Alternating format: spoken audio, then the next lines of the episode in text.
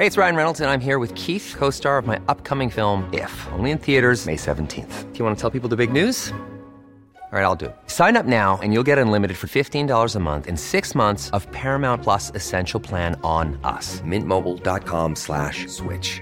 Upfront payment of $45 equivalent to $15 per month. Unlimited over 40 gigabytes per month. Face lower speeds. Videos at 480p. Active Mint customers by 531.24 get six months of Paramount Plus Essential Plan. Auto renews after six months. Offer ends May 31st, 2024. Separate Paramount Plus registration required. Terms and conditions apply if rated PG. Cool fact a crocodile can't stick out its tongue. Also, you can get health insurance for a month or just under a year in some states. United Healthcare short term insurance plans, underwritten by Golden Rule Insurance Company, offer flexible, budget friendly coverage for you. Learn more at uh1.com. Quality sleep is essential. That's why the Sleep Number Smart Bed is designed for your ever evolving sleep needs. Need a bed that's firmer or softer on either side? Helps you sleep at a comfortable temperature? Sleep Number Smart Beds let you individualize your comfort so you sleep better together. JD Power ranks Sleep Number number 1 in customer satisfaction with mattresses purchased in-store. And now, save 50% on the Sleep Number limited edition Smart Bed for a limited time. For JD Power 2023 award information, visit jdpower.com/awards. Only at a Sleep Number store or sleepnumber.com.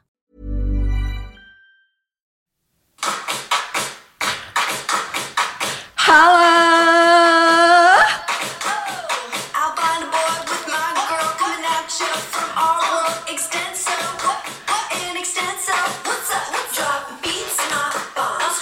Oi, oi, oi, oi, oi! Russetida er i gang, folkens! Men ikke for deg, håper jeg. Nei, men eh, den låta her var jo min russelåt. Det var det. Ja. Dere het In extenso. Hva betyr det? Det betyr guddommelig, eh, og vi var en sekt, selvfølgelig.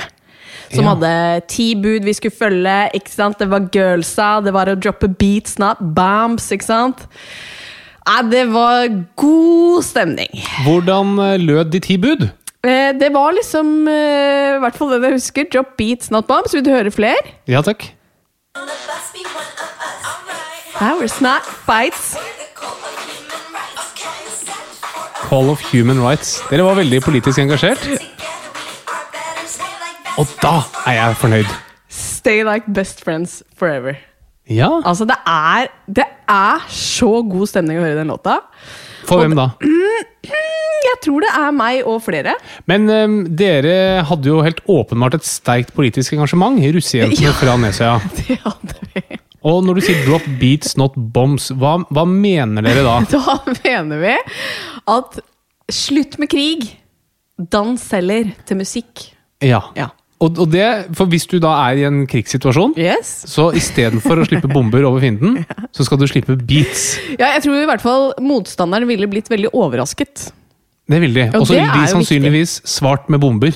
Eh, Det er ikke sikkert. Det er ikke sikkert. Nei, det er ganske sikkert. Ah, ikke hvis de hadde hørt denne biten. Kanskje de hadde blitt så glad og tenkt at vet du hva, fuck den krigen her. Let's be russ one more time. Tenk hvis verden var styrt av russejenter fra Nesøya. Da hadde det vært et ganske annet sted å være. Men det er ikke russetid det skal handle om. Jeg er bare litt inne i russemodus fordi vi nærmer oss mai. Det skal selvfølgelig handle om eh, medisinske tilstander og ting du kan lære noe av her i dag. Godt å høre.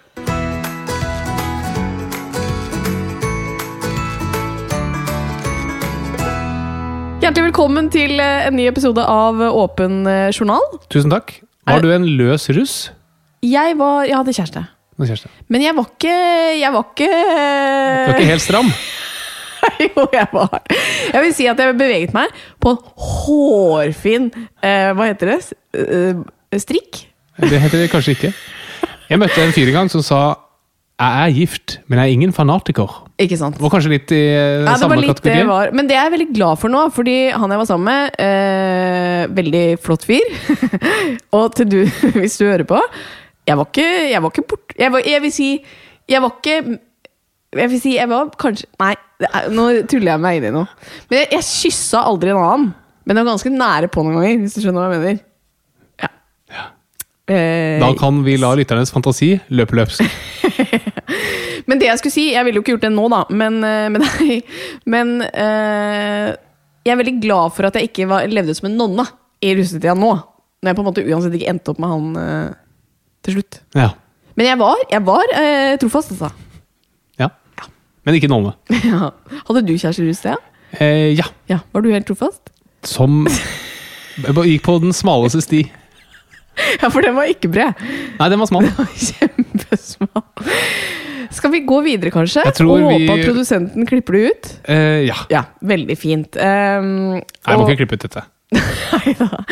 Men det skal jo eh, I dag så skal det handle om eh, noe mer enn russetid. Det skal handle om eh, PST.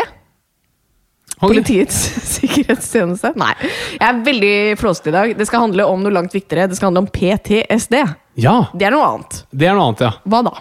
Eh, hva PTSD er? Det står for posttraumatisk stress disorder. Ikke sant? Eller posttraumatisk stresslidelse på norsk. Ja, Det skal vi komme tilbake til hva er for noe. Men eh, vi skal også få besøk, som vi alltid gjør. Og i dag så er det journalist Ingeborg Senneset som kommer.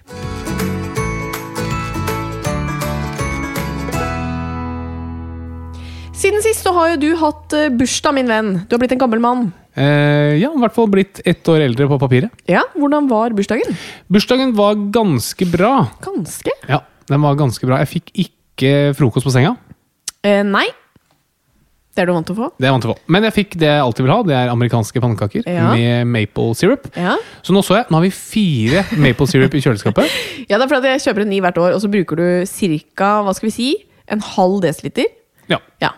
Men jeg er så redd den går ut hvert år, og jeg sjekker det jo ikke. Nei, Nei. du kjøper ny. Så da har vi fire stykker. Ja, så flott. Da skal jeg ikke kjøpe ny neste år. Og så, Det er jo noe eget å ha bursdag når man har barn, for da syns man det er stas at de syns det er stas. Ja. Så Bernhard kom inn med flagg, ja. og det var veldig koselig. Det var veldig koselig. Det ble en veldig koselig dag. Jeg må jo si at jeg eh, lo Jeg lo ganske godt på bursdagen din og fikk litt dårlig samvittighet. Fordi du spurte jo meg om jeg trodde at ditt navn var nevnt i Aftenposten på din bursdag. Mm, ja, var det sånn det ble sagt, da? Ja, på et eller annet vis hvert så lurte du på om kanskje ikke sant? Aftenposten har jo sånn I dag har kjente mennesker som George Clooney og Egil Drillo Olsen bursdag. Og Harald. Eh, og da lurte du på om du sto der. Nei, jeg sa vel 'tror du jeg noen gang kommer til å stå der'? Nei, du spurte spesifikt om Joy. Nå ror du deg Jeg ror, langt. jeg ror. Jeg kan, kan ikke tenke at jeg har spurt om det. Jo! Og så var jo greia, da Du spurte om det, og så, og så sa jeg sånn ehm, Ja, det kan godt hende. Og så, og så så jeg og hørte jeg at du veldig håpefull i blikket og stemmen sa sånn Ja, du tror det? Nei, jeg ikke Og så sa jeg eh, nei, det var bare tull. Og da skjønte jeg at du hadde ikke tulla, du heller. på en måte Jeg Jeg tulla. Ja, du tulla. Så du lurte meg utpå. Men uh, jeg, det sjekket faktisk ikke. Det kan jo være jeg var der. Ja, det kan hende. Men jeg tviler. Hva, hva ville du blitt omtalt som? Eh, medmenneske. Ja, ja, men De nevner jo ikke bare medmennesker. Ville vært liksom Eh, podkaster, kjendislege, mannen til Katarina. En mann til Katarina. Det er det jeg er mest komfortabel med. Jeg tviler på at liksom uh, Makkanfoss blir nevnt fordi han har bursdag i Aftenposten, hvis du skjønner. Ja, skjønner hva du mener. Typen til Tone Damli. Ja, ja. Nei, men altså, jeg spurte, jeg. Du spurte. Absolutt. Og ble gjort til latter. Ja, og det har jeg litt uh, dårlig samvittighet uh, for. Denne uka så har jeg også lyst til å bare nevne en litt sånn eh, Ja, jeg vil si eh, veldig sånn hyggelig historie for vår del, egentlig. Eh, fordi vi har fått en melding på Instagram, og det er jo veldig hyggelig når dere sender meldinger. Det er ikke alltid jeg klarer å svare alle, men vi prøver å lese alle som skriver inn til oss. Og denne uka så er det en som jeg har hørt med at det er greit at jeg leser opp denne, men gjør det anonymisert, da, bare så dere vet det. Og det er en som virkelig har fått nytte av det hun har lært i podkasten. Hei, jeg liker veldig godt å høre på podkasten, men sender veldig sjelden tilbakemeldinger. Etter søndagens rare sammentreff klarer jeg imidlertid ikke å la være. Det som skjedde, var at jeg gikk en runde gjennom byen eh, i solskinnet og hørte på episoden om epilepsi, og det var veldig lærerikt. Eh, videre møtte jeg en venninne, og vi spaserte videre. Plutselig så vi en person som hadde falt og lå på ryggen på bakken og ristet i kraftige kramper. Et epilepsianfall var rett foran nesa vår. I og med at jeg for mindre enn en halvtime hadde fått oppskriften på hva man skal gjøre, var telefonen opp av lomma på no time. Jeg ringte 113 mens vi løp bort. Trengte ikke å tenke meg om ett sekund. Jeg får faktisk litt frysninger. Ehm, For nå, det var deg, Katarina, ikke i meldingen?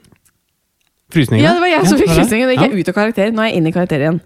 Ehm, samtidig som jeg snakket med 113, fikk venninnen min lagt personen på siden, passet på hodet og luft, øh, sørget for at luftveiene var frie.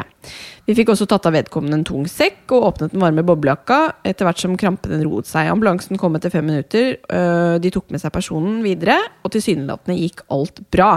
Takk for en utrolig fin podkast, som jeg denne gangen fikk direkte nytte av. Ja, jeg må jo si at jeg, jeg syns det er uh, veldig givende å høre at det vi lager, kan bidra til å hjelpe. Da. Jeg, må jo si det. Jeg syns det var veldig stas. Ja, det var Ja. veldig hyggelig. Og så håper jeg for all del at det gikk veldig bra med den personen som fikk epilepsianfall. Um, og så er det godt at eh, man kan bruke det vi snakker om her, til noe nyttig, da.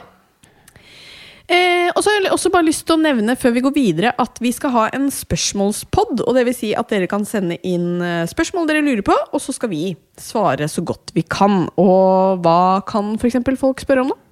Nei, de kan vel spørre om eh, hva som helst. Fordi vi plukker jo bare ut de spørsmålene vi eh, Kan kan, svare på. Svare på selvfølgelig.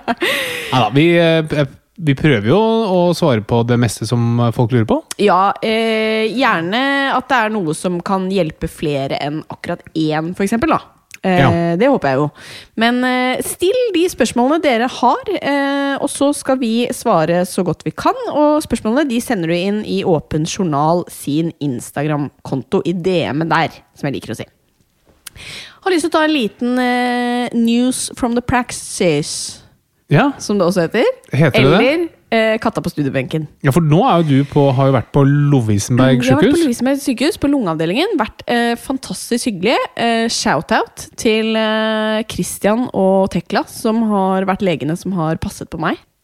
Eh, men det har jo også seg slik da at når vi nå har møtt pasienter på sykehuset, så har man gjerne på seg liksom munnbind, og inne hos noen som det er liksom mistanke om smitte, så har du på liksom holdt på å si gevir, men du har på hva heter det? Visir? Visir.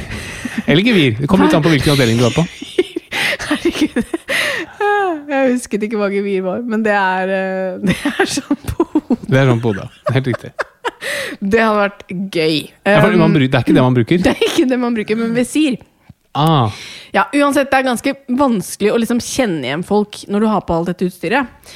Eh, men jeg opplever jo tidvis at pasienter kjenner meg igjen, og det er veldig hyggelig. Nei, jeg vil jo si at det bare er hyggelig, da. Men det som var litt men det er jo skryt. Ja, det er skryt, men det blir ikke det her, da.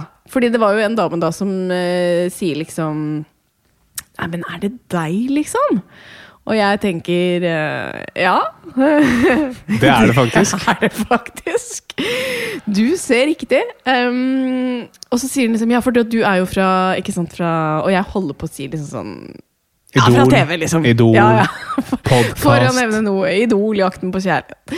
Men jeg gjør ikke det, da. Jeg tenker at nå er jeg liksom Du var litt ydmyk? Ja. Så jeg sier bare ja. ja, Nei, du kommer sikkert på det, sa jeg. Eh, og så etterpå, liksom mot slutten av sånn, sånn, sånn Ja, ja, ja, for jeg har jo sett deg på Bjølsen! Og da skjønte jeg bare sånn Hun aner jo ikke hvem jeg er. Hun, altså hun, kanskje hun har sett meg og tror at jeg er fra Bjølsen, men eh, da Tror du er fra Bjølsen? men jeg var veldig glad for at jeg ikke eh, trodde Avbrøt henne og sa 'ja, det er meg'. Sitt ned, frue. Ja. Men eh, så kjente jeg ikke, fikk hun dårligere behandling da? Litt. Litt, Ja, litt mindre medisiner. Litt mindre Kanskje det er fint for dette å gå med munnbind, fordi da blir vi litt eh, likere. Vi slipper å måtte forholde oss til dere kjendiser. Som, eh, dere blir en i mengden. Ja. Har du vært motstander av munnbind av den grunn? Eh, nei, jeg er jo såpass kjendis at jeg syns det er deilig å ha på munnbind, for da kjenner ikke folk meg igjen. Ja. Skjønner. Og eh, som du sikkert hører, veldig ydmyk. Veldig ydmyk. Veldig ydmyk. Men det var egentlig det jeg hadde å si om denne uka her.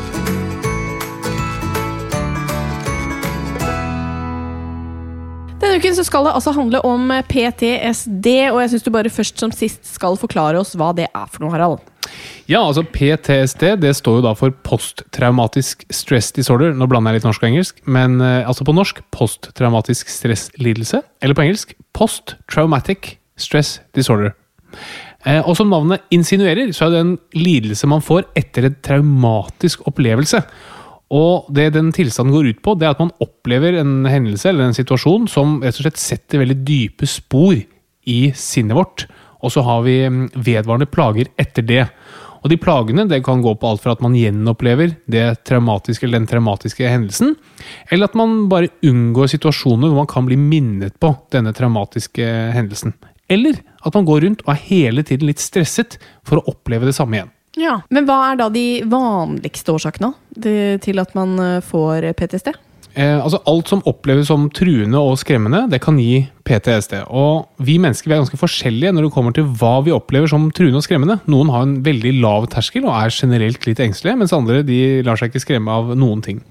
Og personer som har angst og depresjon, de er mye mer utsatt for å utvikle PTSD. Og du kan gjerne sammenligne det med om du er liksom, hvor godt mentalt utrustet er du i utgangspunktet. Har du en hjerne som er, eller en syke som er litt sterk, som tåler mye påkjenning, så skal det mer til for å få PTSD enn hvis du har en, en syke som er litt skjør i utgangspunktet. Um, men uh, som hvis du ser på det, det som statistisk sett gir mest PTSD, så er nok det uh, seksuelle overfall. Det er det jo mye. eller seksuelle overgrep. Krig og flukt. Altså det å måtte flykte. Og det er jo ganske aktuelt akkurat nå. Eh, også med In Extenso, som sier 'drop beats, not bombs'. Ja? Det er det ikke alle tatt på alvor, for nå er det jo en forferdelig situasjon i eh, Ukraina. Og der kommer det til å være masse forferdelige og grusomme opplevelser. Vi har jo fått sett noen av bildene, som jeg for helt ærlig ikke orker å se på. Eh, Det, det kommer til å være mange mennesker med PTSD. Ja, så man tenker jo noen ganger at åh, kan ikke krigen bare bli over? Men konsekvensen av det vi nå ser, vil jo på en måte være eh, strekke seg over så lang tid. Ja, ja. Altså, Ja. Dette, altså, dette, dette har jo mm, effekter som strekker seg over lang tid, og ikke minst for de personene som er i områdene. Og det kan både være de som er med i krigshandlingene, men også sivilbefolkningen. da. Og vi har sett bilder av en del, mm, eller har blitt vist bilder, av ganske mange sivile som er blitt drept. Og det er klart at eh, det har vært mange som både har gjort disse handlingene, og, og fått det med seg, vært vitne til det. Ja. Så nei, krig er eh, forferdelige greier. Mm. men hvor vanlig er dette blant eh, befolkningen? Det er faktisk ganske vanlig. Man estimerer at ca. 1% av nordmenn har PTSD. Og risikoen for at man får dette i løpet av livet, er jeg tror det er rundt 5 så det er ganske høyt. Så 21 vil få PTSD i løpet av livet. Ja, det er mange. Det er ganske mange. Men Det er sikkert et veldig vanskelig spørsmål å svare på. Men hvor traumatisk må noe være for å kunne utløse PTSD? Ja, det er et veldig interessant spørsmål, og det finnes jo ingen objektiv grense her. Det vi vet om, er en del ting som øker risikoen for å få det. Og det å ikke ha eh, kontroll over en eh, traumatisk situasjon, det øker risikoen i ganske stor grad for å få eh, PTSD. Og det samme er hvis man er offer for en situasjon eller ulykke eller katastrofe som noen har gjort med vilje, så øker det risikoen ganske betraktelig for å få PTSD. Så hvis du f.eks. er utsatt for terror eller et seksuelt overgrep, så er risikoen høyere for å få PTSD enn hvis det er en eh, naturulykke. eh, For eksempel. og så er det andre faktorer. Eksempel har kvinner betydelig høyere risiko for å utvikle PTSD enn menn. Vi kjenner vel mer på følelsene våre, da. Ja, jeg vet ikke om eh, vi skal begynne å spekulere i årsak, men, men dessverre så er det i hvert fall sånn, da. Ja. Men kan du forklare litt hva symptomene på PTSD er for noe? Ja, Det som er ganske vanlig, er at man har veldig sånn påtrengende tanker om hendelsen. Altså Man gjenopplever det traume eller den traumatiske situasjonen som man har opplevd eller vært eh, vitne til. Og Det kan være i form av tanker eller bilder man får i hodet, eller mareritt. At man sliter med å sove, man sliter med å konsentrere seg. Og man kan være ganske sånn lett antennelig. Altså Man går rundt og er alltid litt i beredskap. Og liksom Det klassiske bildet er noen som kommer hjem fra krigen, eller har vært i krig, og så hver gang det smeller rundt den personen, så skvetter den personen veldig til. For han eller hun tenker at her er det en, en bombe som går av, eller noe sånt. da. Eh, og så er det ganske vanlig med det vi kaller unnvikelsesatferd. Altså man unngår alle situasjoner, steder, personer som minner deg om dette, den traumatiske opplevelsen. Men kan du prøve å beskrive hvordan det føles å ha PTSD? For når du beskriver um, årsaker og symptomer, så virker det jo ekstremt ubehagelig. Ja, det er ekstremt uh, ubehagelig, og jeg tror ikke jeg klarer å gjenskape eh, hvordan det er på noen god måte, men mm, kanskje man kunne sammenlignet det med eh, det å ha en sang på hjernen. Det har ganske mange av oss opplevd, og det er ganske ubehagelig. Mm, ja, når man ikke blir kvitt den, ja. Ja, og hvis du istedenfor at det er en sang, så er det da et forferdelig hendelse som går på repeat i, i hjernen. Det er, eller en film som man ikke får ut av hodet, eller bilder eller lyder. Det er ganske grusomt. Og den aktiveringen man får, altså sånn skvettenheten som man gjerne opplever når man har PTSD, Det kan kanskje sammenlignes hvis du går rundt i en mørk kjeller og, og ser etter lysbryteren, hvor man er veldig var på alle lyder og alt som skjer. Altså Man går med et sånt forøket aktiveringsnivå i kroppen, så man skvetter veldig lett. Det, det kunne kanskje sammenlignes litt med å ha PTSD. Ja, og det er jo ikke en god følelse. Men kan du prøve å fortelle liksom, hvor går liksom skillet mellom engstelse og eh, PTSD som diagnose etter en ubehagelig eller traumatisk hendelse? da? Altså, det er jo sånn med de fleste psykiatriske diagnoser at det finnes ikke noe sånn klart skille i sanden. At dette er sykdom, og dette er, eller dette er den typen eller den typen. Men det som gjerne er tilfellet hos de som har PTSD, er at det har vært en alvorlig hendelse som man har vært utsatt for, og så har man plager relatert til akkurat den hendelsen, som både har vart lenge, og da snakker vi gjerne om at det skal ha vart over en måned, og at de plagene er veldig tydelig knyttet til den hendelsen. Og at plagene er så store at man ikke klarer å fungere normalt. For eh, ja, mange kan oppleve i tid etter også mindre alvorlige hendelser at de, de tenker mye på det, grubler mye, gjenopplever det i sinnet sitt, men at man klarer fint å fungere på jobb og man sover greit nok og spiser greit nok. Da vil det på en måte være en Du er, du er på den aksen som går mot PTSD, men, men det er ikke nok til å få PTSD-diagnosen. Hvis du opplever en skilsmisse, for eksempel, da, så kan det være ganske skjellsettende og grusomt, men det klassifiserer sånn på papiret ikke til å gi PTSD-diagnosen. Man sier ikke at det er en så opprivende hendelse at, at det blir kvalifisert til den diagnosen. Nei. Men mange mennesker kan jo liksom oppleve det samme. F.eks. en naturkatastrofe eller terror eller krig. Um, hvorfor er det bare noen som får PTSD? Ja, her, eh, det er veldig veldig interessant, og det er noe man lurer veldig på. da. Og eh, Mange faktorer spiller inn. Alder spiller inn, kjønn, hvilket utdanningsnivå man har, hvilken sosial støtte man har, og tidligere mentale historikk. da. Eh, Man kan sammenligne med et hus. Et, et hus som du bygger et eh, solid, på et solid fundament, og som man vedlikeholder regelmessig, kan tåle ganske store jordskjelv, for å kalle det det. Men hvis du har et hus som er bygget på et litt usikkert fundament, og som i tillegg ikke har vært eh, tatt vare på, som kanskje har noen skader allerede, det vil, det vil tåle mye mindre før det raser sammen. Og sånn er det litt med hodene våre også. Har vi et godt fundament, altså en god barndom, føler vi oss trygge i verden. Og er vi flinke til å ta vare på vår egen mentale helse, så er vi mye bedre rustet. Ja. Det er vel i Bibelen det står om mannen som bygget sitt hus på leire, mot mannen som bygget sitt hus på stengrunn. Og eh, du, du kan jo skjønne hvem som hadde et hus som tålte mest. Han på leiren. Ja, nettopp. Du har skjønt det. Jeg har skjønt det. Men det er også litt interessant. Jeg husker en, en um, historie fra, fra studiet som har gjort veldig inntrykk, som jeg har tenkt mye på. Og det var en, en um, pasient som hadde opplevd noe vanvittige liksom, seksuelle overgrep i hele oppveksten. Og uh, gått terapi i årevis. Og så var det på et eller annet tidspunkt at det var en medisinstudent som skulle gå gjennom hele journalen. Som virkelig grave seg langt bak i hva som skjedde. Og så fant medisinstudenten at denne pasienten hadde ikke vært utsatt for seksuelle overgrep, men pasienten hadde analatresi. Og det var i hvert fall en behandling før. At man måtte eh, føre altså Når du har analtresi, så er du født uten endetarmsåpning. Så du må lage en kunstig endetarmsåpning. Og for at den ikke skal gro igjen, så må man dytte opp rett og slett eh, rørformede objekter inn i Ja, baken. Og det må foreldrene gjøre for at det ikke skal gro igjen. Og det var det som hadde skjedd. Og da, når pasienten fikk vite det, så endrer liksom hele narrativet seg. Ja. For du har gått og tenkt at jeg ble utsatt for seksuelle overgrep, Nei, og så plutselig blir det tatt død.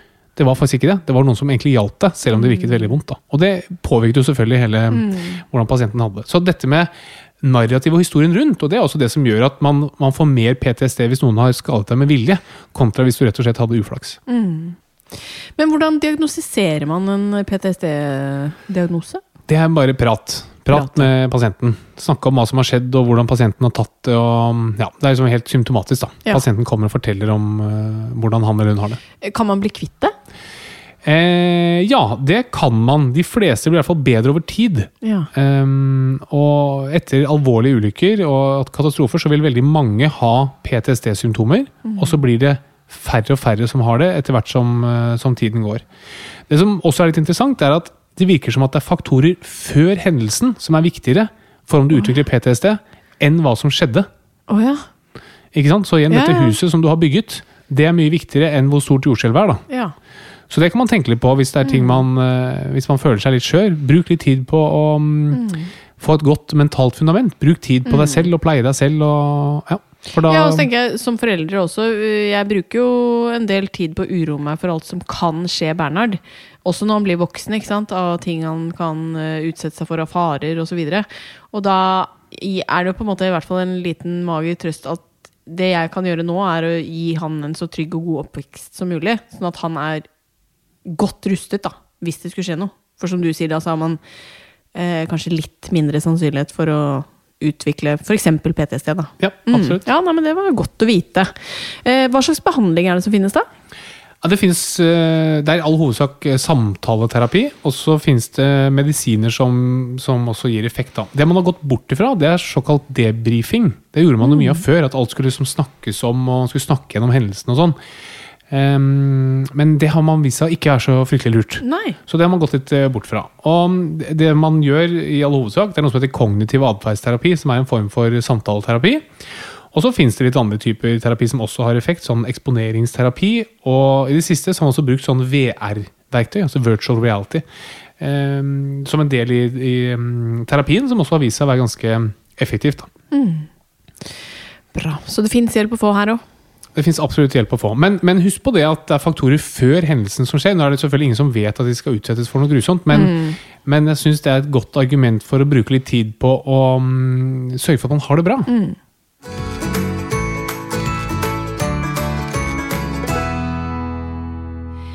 Ukas lyttespørsmål eh, lurer jo på om eh, dette med luft Luft? Luft. Luftfukter. Luftfukter har noe for seg. Eh, hva gjør en luftfukter i så fall? Og kan luften bli for fuktig? Interessant spørsmål. Ja, det er et interessant spørsmål. Så I luften så er det alltid en viss grad av fuktighet. Og øh, den påvirkes jo av altså jo, Temperaturen påvirker hvor mye fuktighet som kan være i luften. Jo varmere det er, jo mer Fukt. fukt kan det være i luften. Ja. Og eh, på et tidspunkt så er det såpass mye fukt i luften at det bare må, det er ikke plass til mer, og da blir det regn. Ja. Men luftfuktigheten varierer mye gjennom året og ulike steder på kloden. Da. Så typisk når det er veldig varmt og du er ved sjøen, så er det høy luftfuktighet. Og hvis det er veldig kaldt og du er langt fra sjøen, så er det veldig lav luftfuktighet. Eh, så fins jo noen som føler at hvis luften blir for tørr, så begynner det å kremte fælt eller synes det er tungt å Ikke nødvendigvis tungt å puste, men at det er sånn uh, tung luft. Og da kan man bruke luftfukter for å gjøre luften At det føles bedre å puste i den. Men det har ikke noe dokumentert effekt. Nei. Og luften kan absolutt bli for fuktig. Hvis du har en luftfukter, det den gjør, er bare at den tar vann, og så gjør den om til damp og sender det rundt i rommet. Og har du for mye luftfuktighet over for lang tid, så kan du få soppskader inne, f.eks. Ja, ikke og sopp er jo veldig helseskadelig. Ja. Så sånn alt i alt så anbefaler man ikke luftfukter, faktisk. Er det sant? Ja, men hvis du hadde spurt meg, så hadde jeg sagt sånn eh, Hvorfor skal du ha det? Så, jeg syns luften hjemme er så tørr og vanskelig. Så hadde jeg sagt sånn Ok, du kan prøve luftfukter. Se om det Ja. blir bedre for deg. Og så se om du trives med masse sopp i veggen. Ja, Se om du trives med det. Da har vi fått avklart det. Og så må dere huske at vi skal ha en spørsmålspod, så gå inn på Åpen journal sin Instagram-konto og still spørsmålene du lurer på om hva det måtte være innenfor helse. Eh, Så skal vi svare etter beste evne.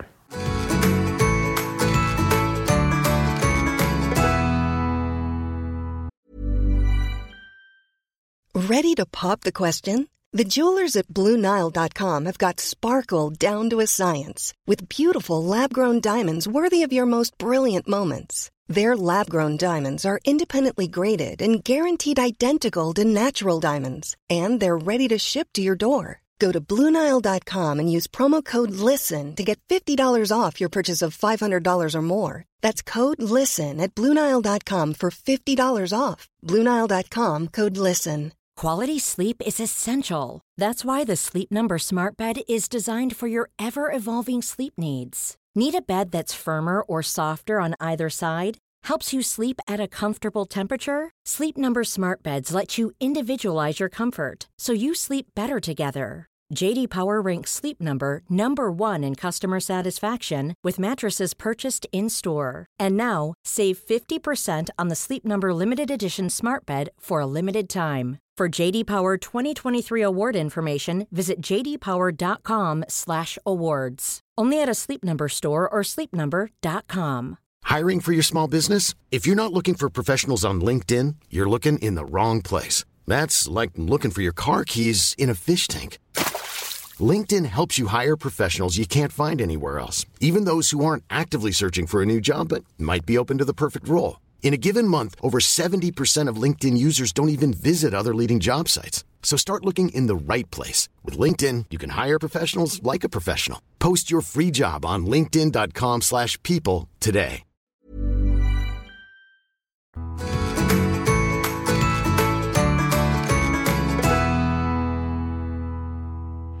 Da er det en glede å ønske velkommen til dagens gjest, som er Ingeborg Senneset. Hjertelig velkommen. Tusen takk. Hvordan går det med deg? Du, det går uh, greit. Ja, Ser litt i kryss. ja for det er, Eh. det er bare greit. Det er ikke bra, det er ikke dårlig. Ja, men greit er jo dritbra, egentlig. Greit, altså, hvis, du, hvis du sammenligner med hvordan folk har det rundt omkring i verden akkurat nå, uh, og spesielt rett ned i kroken i Europa, så er jo greit helt konge. Så jeg klager ikke. Nei, men det er jo en riktig holdning å ha til det. Men eh, noen sier, spør seg sikkert hvorfor du ser i kryss. Er det litt mye jobb, eller hva skjer? Ja, bitte litt. Ja. Um, jeg har, uh, det her har jeg ikke sagt så veldig mye offentlig ennå, uh, men jeg har begynt på en ny bok. Mm. Uh, jeg sa jo for fem år siden at jeg skulle aldri skrive bok igjen om noen trua meg på livet til det. Men, Har du glemt det? eh, ah, jeg har egentlig ikke glemt det, men nå har jeg sagt ifra til samboeren min at hvis jeg noen gang finner på å si ja igjen, så må han bare låse meg inn på et rom og si Ja. at uh, du skal ikke gjøre det. Men her er du. Du kom deg Her ut. Ehm, men eh, vi setter jo veldig pris på at du tar deg tid. da. Vi skjønner at du har et hektisk uh, liv. Æsj, men det har alle til en viss grad. Så det var ikke sånn 'å nei, stakkar meg'. Jeg er jo kjempeheldig som får sånne muligheter. Men Så- da lurer jeg på, hvor god er du liksom til å ta vare på mm, deg selv og helse når det er masse som skjer? Um, nesten flinkere når det er masse som skjer, Ja. for da må jeg være litt strukturert. Eh, så da, da er jeg litt bedre til å få i meg mat, f.eks. For eksempel, fordi at jeg vet at jeg trenger det. Det kan være vanskeligere å motivere seg til faktisk hvis jeg har litt god tid. Um, og så er jeg litt dårligere på ting som f.eks. å få nok søvn. Ja. For det blir jo fort at det går ut over det. Mm. Eh, og jeg har òg litt sånn Det er jo et A-menneskeyrke jeg jobber i til vanlig, men jeg er jo født B-menneske. Ja. Så jeg, når klokka liksom bekker 11 om kvelden, da syns jeg livet starter. og da, da er det topp stemning og vil bare sitte opp, og jeg er oppriktig lei meg når jeg Ja. må gå og legge meg. Ja, ikke sant? Eh, og går jo og legger meg altfor sent, Ja. eh, og må jo da likevel stå opp eh, til riktig tid. Ja. Så nå, i hvert fall når det kommer frem, jeg syns det kommer frem mer og mer hvor viktig søvn er. Mm. Eh, og det syns jeg de kan slutte med, for jeg blir jo bekymra. så ikke bare har jeg lite søvn, jeg har også større bekymringer for at jeg får så lite søvn. Ja. Eh, men jeg prøver å skjerpe meg. Jeg jobber med saken. ja. Men um, er det noen eh, ting du blir redd for i forhold til helse? Når du sier at du kan bli mer redd for ting som du kanskje ikke er redd for til vanlig? Ja, for det går jo egentlig på alt av liksom bekymringer. Alt sånn, all den, um, den motstandskraften i deg som på en måte er der når du har litt energi. Sånn for eksempel hvis jeg ehm, hvis jeg ser at jeg, har, eh, at, jeg, at jeg er litt rød på kneet, da. Så vanligvis vil jeg tenke liksom bare sånn ja, ja, har jeg sikkert eh, hatt en pute på kneet eller noe sånt. Eh, men i en litt verre tilstand så er jeg fort gjort bare sånn her Hvorfor er jeg rød der? Er jeg betent? Er Ja. den betennelsen egentlig fordi at eh, jeg har uh, blitt smitta av noe? ting? Eller har jeg egentlig en begynnende kreft? Og da ruller snøballen veldig, veldig Da er fort. du i gang, liksom? Ja. Jeg går veldig fort fra 0 til 100, da, og sånn Det gjør jeg uansett, men jeg er mye flinkere til å stoppe det hvis jeg er i bedre form. Mm. At jeg på en måte tar den, eh, det steget til side og klarer å se hva jeg nå sjøl holder på med. Mm. Og jeg blir sånn eh, i eh, relasjon til andre òg, at jeg reagerer mye fortere på ting de sier, eh, og at jeg eh, tenker og tolker mye mer eh, hva de gjør. da, Hvis det er noen som går forbi uten å hilse, så er det mye fortere gjort å tenke at eh, de ikke gjorde det fordi at jeg har gjort noen ting mot dem. At Ja, de syns jeg er et dårlig menneske. Enn når jeg er i god form og tenker sånn Oi, de hadde det travelt. Mm.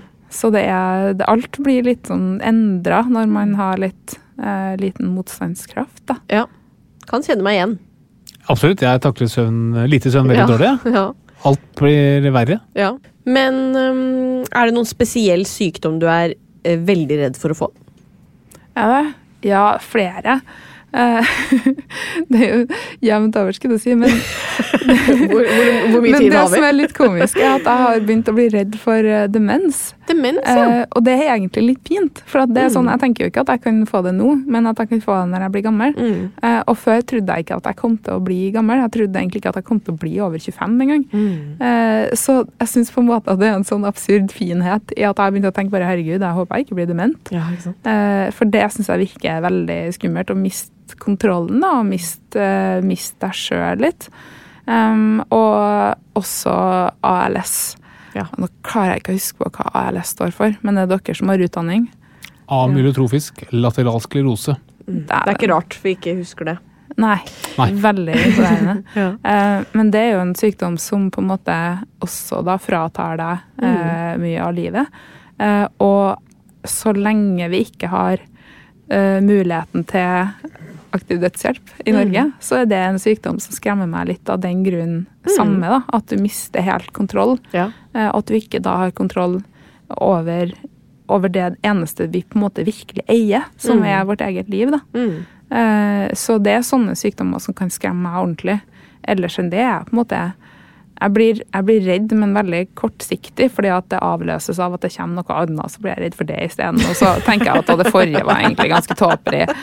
Sånn, eh, jeg, går, jeg går i sånne runder, og jeg vet veldig veldig godt at man på en måte lager sine egne Ja. eh, Google-diagnoser og alt sånn. Ja, ja. Eh, men jeg har hatt så mange, og har så mange diagnoser, at det er litt sånn jeg har litt nok egentlig med dem jeg faktisk har, om jeg ikke skal adde noen jeg ikke har i tillegg. Mm. Så jeg prøver å på en måte la det flyte litt eh, forbi, da. Ja. Eh, men det skremmer meg ordentlig, eh, sånne ting som gjør at du taper kontroll. Mm. For det, det nærmeste har vært å liksom tape kontroll skikkelig sjøl, sånn utover da at jeg har tvangslidelser og, og spiseforstyrrelser som gjør at du taper en del av kontrollen, men det er samtidig noe du styrer til en viss grad. Eh, men det var da eh, jeg ble psykotisk eh, av at jeg var så nedkjørt eh, fysisk og da ikke søvn, som apropos.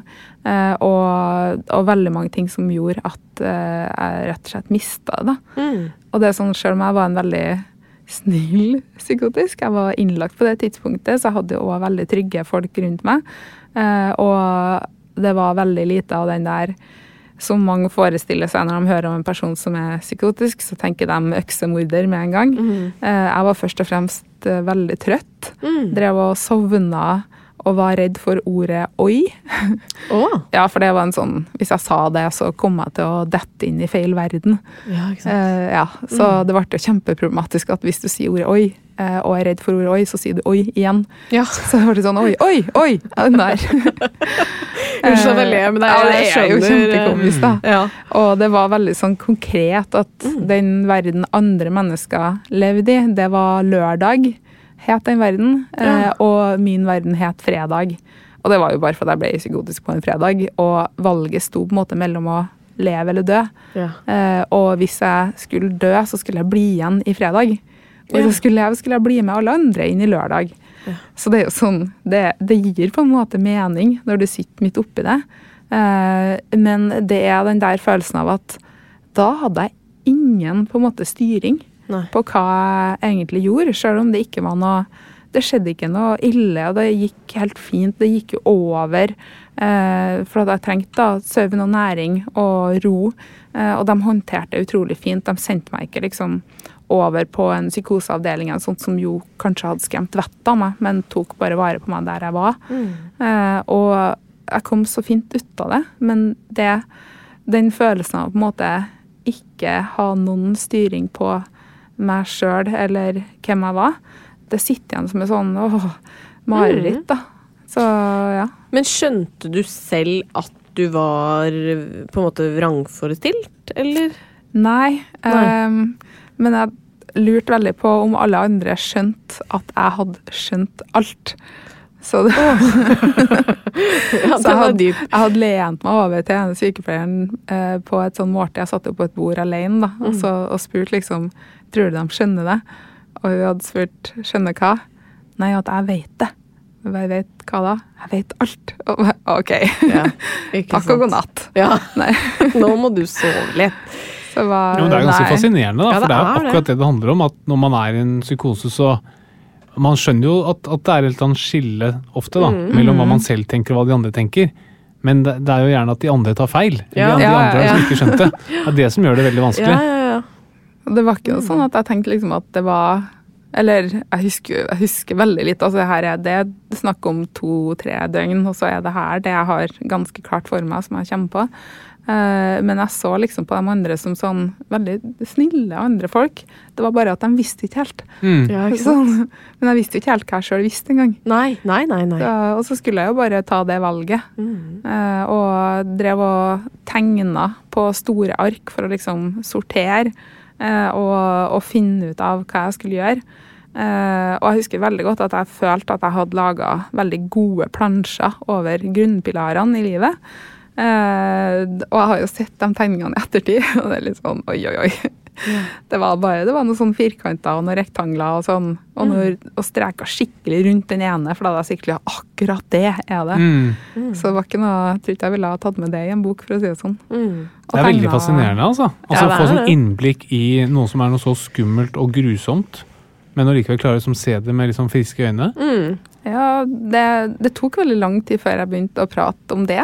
Mm. Eh, For alt annet har jeg litt sånn, det litt sånn avklart forhold til både eh, OCD, altså tvangshandler og tvangstanker, eh, og, og anoreksi og alt sånt, for det er så konkret, og det har jeg prata så mye om. Men psykose føltes så veldig flaut og personlig og rart, for da hadde jeg på en måte Jeg følte at det var mye mer feil med meg da. Og det var egentlig ikke før jeg visste veldig klart at det var jo av eh, kroppslige ting. Mm. Som at jeg da hadde eh, snudd veldig opp og ned på ernæring. At jeg hadde gått fra eh, omtrent ingenting til da eh, å få mye næring, som gjorde at bare alt bare mer eller mindre kollapsa litt. Og at det var så mye feil med søvnen, og at jeg var så svekka. Eh, jeg datt ned en trapp, og det var sånn, jeg klarte ikke å gå verken opp eller ned trappene. Det var enda tyngre å gå ned, så jeg datt jo ned. Eh, og det var, som, det var liksom kroppslige årsaker som gjorde at jeg fikk den eh, At jeg mista det mentalt. Da. Og da var det mye lettere å si liksom, ja, det har jeg hatt. Mm. Eh, og, det gikk, og det gikk så fort over, så da er det så, det er så konkret. Men jeg tror det er veldig mye vanskeligere for mange andre å prate om det, enten at de eh, har hatt det sjøl, eller at de har pårørende som har det. Mm. Eh, eller, som har en, eh, eller som har ulike psykoselidelser. Da. Mm. Jeg tror at det henger veldig hardt som et tabu eh, fortsatt. Da. Og det, det tror jeg er litt skummelt. For da blir det også veldig fort gjort at man de få gangene man hører ordet psykose, så er det i forbindelse med noe kriminelt. Mm. Og det er jo de færreste med psykose som gjør noe kriminelt. Eh, eller som skader andre. Eh, men det er jo mange av dem som er redd for å gjøre det, f.eks. Mm. Så jeg tror at det er litt viktig at man prater om. Men jeg, jeg syns det er litt ubehagelig. Og jeg er litt usikker på hvorfor vi kom inn på det, for det var ikke på lista over ting jeg hadde tenkt å prate om. Nei, men jeg er jo glad du deler det, for det er som du sier at um, Ja, man hører om det når det kanskje er noe kriminelt eller kriminelle Mm. man hører om. Uh, og det gjør jo at det blir liksom myteomspunnet, og man Mm. tenker at uh, Og vi har snakket, vi hadde en egen episode om psykoser, og, og at man kan på en måte blande psykopat og Ja, psykoser Det òg. er akkurat det. Ja, sånn at det er veldig fint å, å høre deg nå snakke om det i retrospekt, eh, og at du har så innblikk i liksom både hva du opplevde, men også sånn Ja, det var jo helt merkelig at jeg syns 'oi' var et skummelt ord. Altså, du ser det jo fra et sånn utenfra-perspektiv. Mm. Som- Og så ser man jo også at med deg har det gått bra, da. Og det tenker jeg er liksom fint for, for de som eh, enten er pårørende eller som opplever det selv. At uh, Mm. det kan gå bra òg. Man trenger ikke å bli kriminell av den grunn. Nei, heldigvis. Mhm. Nei, men jeg tror det er det som må til, at man må bare snakke om det. Og Mm. høre at dette er ganske mye vanligere enn man tror. Og det må være mulig å fortelle om tilstander eller psykoser man har vært i som selvfølgelig er sånn som dette her, hvor man, er, man går inn i en eller annen tilstand hvor man er i en sånn akutt forvirringstilstand Mm. som varer, og så er den over. Så er den Ferdig. ferdig, ja. Mm. Men det virker som du har veldig sånn inns, innblikk i, i um, helse um, Både din egen helse, men helse generelt. Men hvordan tror du du er som pasient, da? Som pasient Um, Hvis min fastlege skulle ha beskrevet meg, så hadde det sikkert vært uh, litt sta. Ja. Ehm, på godt og vondt. Um, på den gode sida, så f.eks. er jeg tydelig på det at jeg ikke uh, ønsker å være sykmeldt, fordi at for meg er det ikke bra. Mm. Uh, jeg trenger å jobbe for å føle at jeg har noe sånn verdi, og hvis jeg føler meg verdiløs, så har jeg veldig vanskelig for å ta vare på meg sjøl. Ja. Um, jeg kan også være litt påståelig. sånn at jeg har lest et eller annet, Ja. eh, eller at jeg faktisk vet noe eh, om eh, eksempelvis antibiotika. Ja. Eh, at jeg er opptatt av at det skal brukes minst mulig og bare når det trengs. Mm. Um, og det var litt der vi bonda i sin tid også, for han hadde den samme innstillinga. Um, og så kan jeg være um, eh, jeg, kan, jeg kan nok tøffe meg litt. Ja. Eh, at jeg mener at ja, det her fikser jeg, det her ordner jeg, det her er ikke noe problem, eh, det her går bra. Eh, og så er det helt åpenbart et problem, og det ikke går så veldig bra. og trenger da litt noen som er litt sta tilbake. Mm. sånn at vi møtes og finner en sånn ganske grei middelvei, da. Ja. Um, og så Uh, kan nok være litt sånn urolig. Uh, jeg har nesten lyst til å gå med en gang jeg kommer inn, for jeg syns det er litt kjipt å ta plassen, da. Ja. Så jeg trenger ganske sånn tydelige leger Mm. i livet mitt. Ja. Det er jo de beste legene, syns jeg. Mm. Um, men hva er det siste du googla, da, som er medisinsk? Uh, det, var, det måtte jeg sjekke Ja. før jeg skulle dit. Og da kikka jeg på Google-historikken. Den skal ikke gjengis. Nei, det tror Da, ble- da ble jeg veldig nysgjerrig. Ja, det ser helt på trynet. Jeg jobber med så mange ulike ting. vet du. Så hvis, Ja. så hvis at noen skal gå gjennom min Google-historikk, så ser det ut som at jeg er eh, alt fra pedofil til massemorder til krigshisser og Russland-kjenner. Det er sånn Det er skjønner mye greier. ja. Det er du ikke. Vil du tilbakevise påstandene? Eh, har du sluttet å slå din kone? Eh, eh, har jeg sluttet å slå min kone? Nei, det har jeg ikke. Jeg skjønner, skjønner hvor du vil. Men Jeg skjønte ikke det. skjønte ikke det spørsmålet. Nei. Det er Ja, sånn det du er damned if you do, damned if you don't. Ja. skjønner, skjønner, skjønner. Nå er jeg med. Eh, Det siste jeg googla, var faktisk bivirkninga av Sopiklone. Um, for i den der boka jeg skal prøve å skrive, så har jeg lyst til å komme inn på medisiner. Mm. Eh, på godt og vondt, da. Fordi at jeg har både veldig dårlige erfaringer med medisin. Jeg gikk på antidepressiva på et tidspunkt, og det fungerte utrolig dårlig. Mm. Jeg har også gått på en variant av eh, antipsykotikum som ikke da er mot psykose, egentlig, men som var mer for å sånn stabilisere. Mm. Eh, fungerte veldig dårlig. Eh, men jeg har én kjempegod erfaring, eh, og det er med innsovingstabletter. Mm. Eh, som jeg da eh, ikke egentlig bruker, men har. Ja! Som er en sånn Jeg kan ha det i det uendelige, nesten. For Ja. det er en sånn eh, mental eh, sutteklut. Ja, jeg skjønner. Det er litt sånn Jeg kan gå og legge meg nå, fordi at hvis jeg ikke får sove, så kan jeg faktisk stå opp og ta en tablett. ja, det er deilig. Og så kan jeg sovne igjen, og så bare god natt. Ja. Eh, så det fungerer. Der har jeg en sånn mega placebo-kongeting. Eh, og jeg kan også da faktisk bruke dem ved behov, da. Mm. Eh, men det er fordi at de tablettene er Det er riktig medikament til riktig pasient. Mm. Til riktig tidspunkt. Eh, til riktig eh, diagnose osv. Det har Mm. liksom alle de der r-ene som man bør krysse av Ja. for, å, for, å, for å ha en medisin. Mm. Um, men uh, det er jo ikke uten bivirkninger. Eh, og jeg ville forsikre meg om at jeg ikke huska feil eh, om dem. da. Mm. Eh, sånn at jeg ikke liksom feilinformerer på papiret. Ja. Eh, her sitter jeg i det minste med to leger, så dere kan si hallo, det der tror jeg ikke er helt riktig. Eh, og det er dere som sitter med redaktøransvaret. Jeg kan liksom være alle eldre.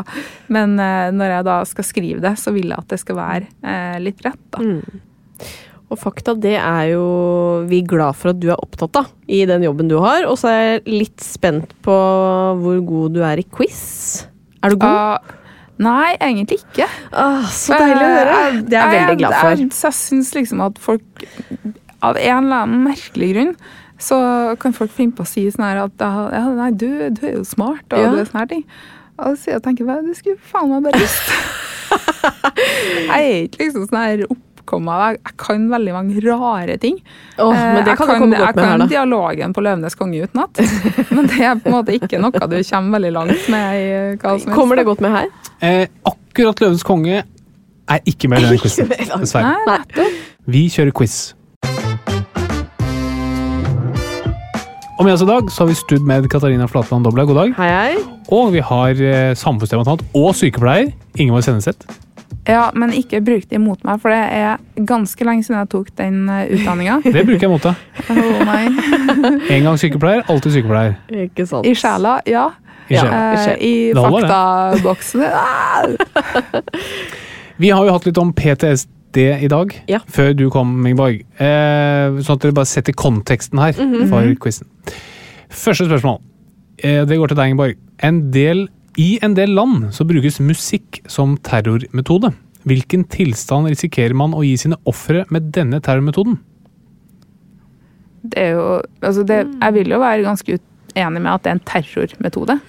Tenker du på tortur? Tortur, ja. Ja. Hva sa jeg for noe? Terror? En Tortur, ja. ja, det er helt riktig. Du skal få et halvt poeng for den. Takk. Torturmetode. Veldig bra. Yes! For at hun retta Ja, spørsmålet? det, er et, oh, ja. det er et halvt poeng. Hadde jeg gjort det, så hadde du blitt sur. Det er riktig. Ja. Men jeg vil anta at du kan bli kvalm, frustrert og få rett og slett få angst og miste deg litt. Okay. Eh, på grunn av at det kan være så enerverende med musikk du virkelig misliker og du ikke har kontroll på. Hvis det på en måte fortsetter å dunke inn mot deg med uansett hvilken type det er. Hvis du ikke har valgt det sjøl, så kan du bli veldig frustrert. Ok, godt og fyldig svar. Hvilken Ja, tilstand kan man få, Katarina? Nei, jeg tror du skal fram til et ordspill. Jaha. Men jeg vet ikke hva. Man kan få PTCD. Ikke sant? PTCD. Ja. Vi er der, ja. Ja, ja, det, er- det er veldig er blandet der. her. Det er ikke sikkert. både er ikke eh, ekte spørsmål og tullespørsmål. Det er ikke sikkert. Men det er, hun fikk et halvt poeng. for hun hun hun er leder, hun er leder. Neste spørsmål, Katarina. Hvor mange prosent av norske Afghanistan-veteraner hadde minst én psykisk plage i 2021? Hvor mange prosent? Da vil jeg tippe 40% Ingeborg? Minst én psykisk plage. Mm. Men altså, det er jo ganske mange som ikke har vært i Afghanistan, som har en psykisk plage. Det er. Så må du legge til Justere for de, det. Mm. eh, de plagene du kan få i tillegg. Så jeg vil tenke 60, kanskje. Nei, 10 Hæ? 10? Ja. De snakker ikke om det, da. eh, Nei, det er blitt spurt da på et, eh, i et spørreskjema. Ja. 10 Nei, synes jeg var jeg er overraskende lav. Jeg synes også det var lavt. Men det var veldig bra, da. Ja, veldig og poeng positivt. til meg, Og for så vidt poeng til for deg. jeg tok det laveste. Så da, da er det du som er i teten, da, Ja, Flatland. veldig Ok. bra. Em, Katarina, hvilken etterutdanning kan man få som fysioterapeut i det russiske militæret, hvis man er interessert i personlig trening? Eh, p- det er et eller annet ordspill med PTSD. Hva heter den derre russiske etterretningen? FSB? KGB. KGB. Hva er FSB? NSB? Eh, FSB FSB er noe det òg, eller? Ja, det kan være mye. Eh, KGB, PTSD Nei, jeg vet ikke. PT PT? SD? Ja, det er riktig! Nei! Ja, Er det sant? PTSD. Ja. Russiske militære. Den, Ingeborg? Ja, ikke sant? Det, les, det Ja. les. Eh, men det er bra, det. Ja, tusen Du har gått opp i en solid har ledelse. jo det. Ja, men hun har fått flere spørsmål. Ja, Det er altså, riktig. Så så nå får du neste, ja. Ingeborg. Er ecstasy nyttig mot PTSD? Um, ja, men da kaller du det vel heller MDMA, da. At du, at du kan bruke uh, den typen uh, hjelpemidler hvis det er kombinert med behandling. Så det er nyttig, mener du? Kan være. Det er ditt gjett på svaret.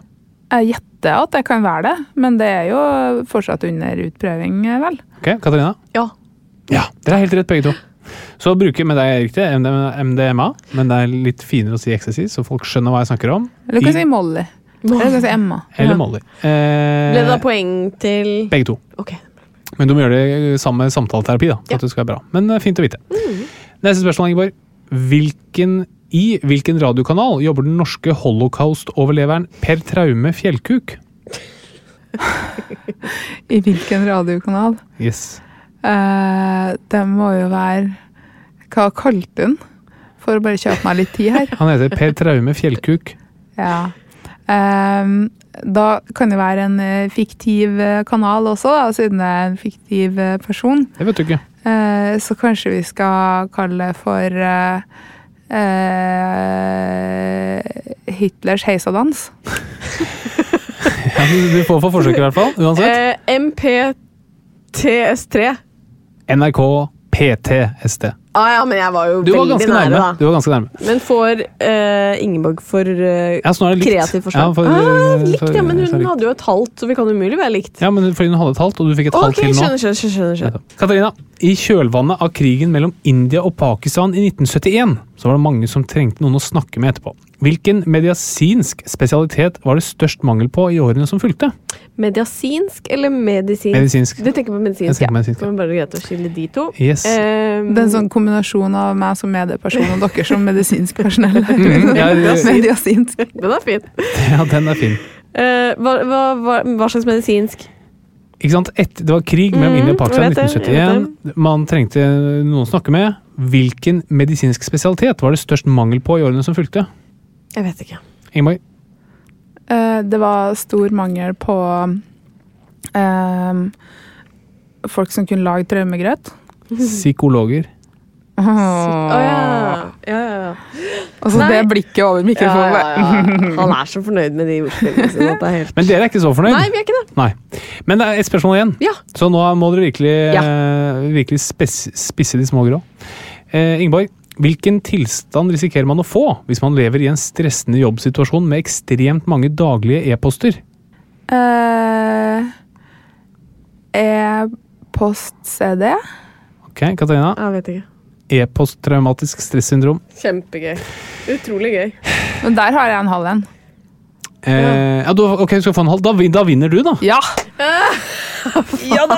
Det var imponerende. Ja, men det unner jeg deg, Ingeborg. Jeg Tar en skål i Jeg gjør Pepsi. Max for den. En klunk lunken Pepsi Max. Den gleden jeg ser at det gir deg, det syns jeg var veldig, veldig hyggelig. Og verst at det er så ekte òg. Jeg ser det. Ja, det ser veldig det er ekte en ut. quiz uten forutsetninger for å vinne. Ja, Uten ekte svar, uten mening. uten ekte spørsmål. Ja. Unnskyld? Men har fortsatt vunnet. ja, og det skal du glede deg over.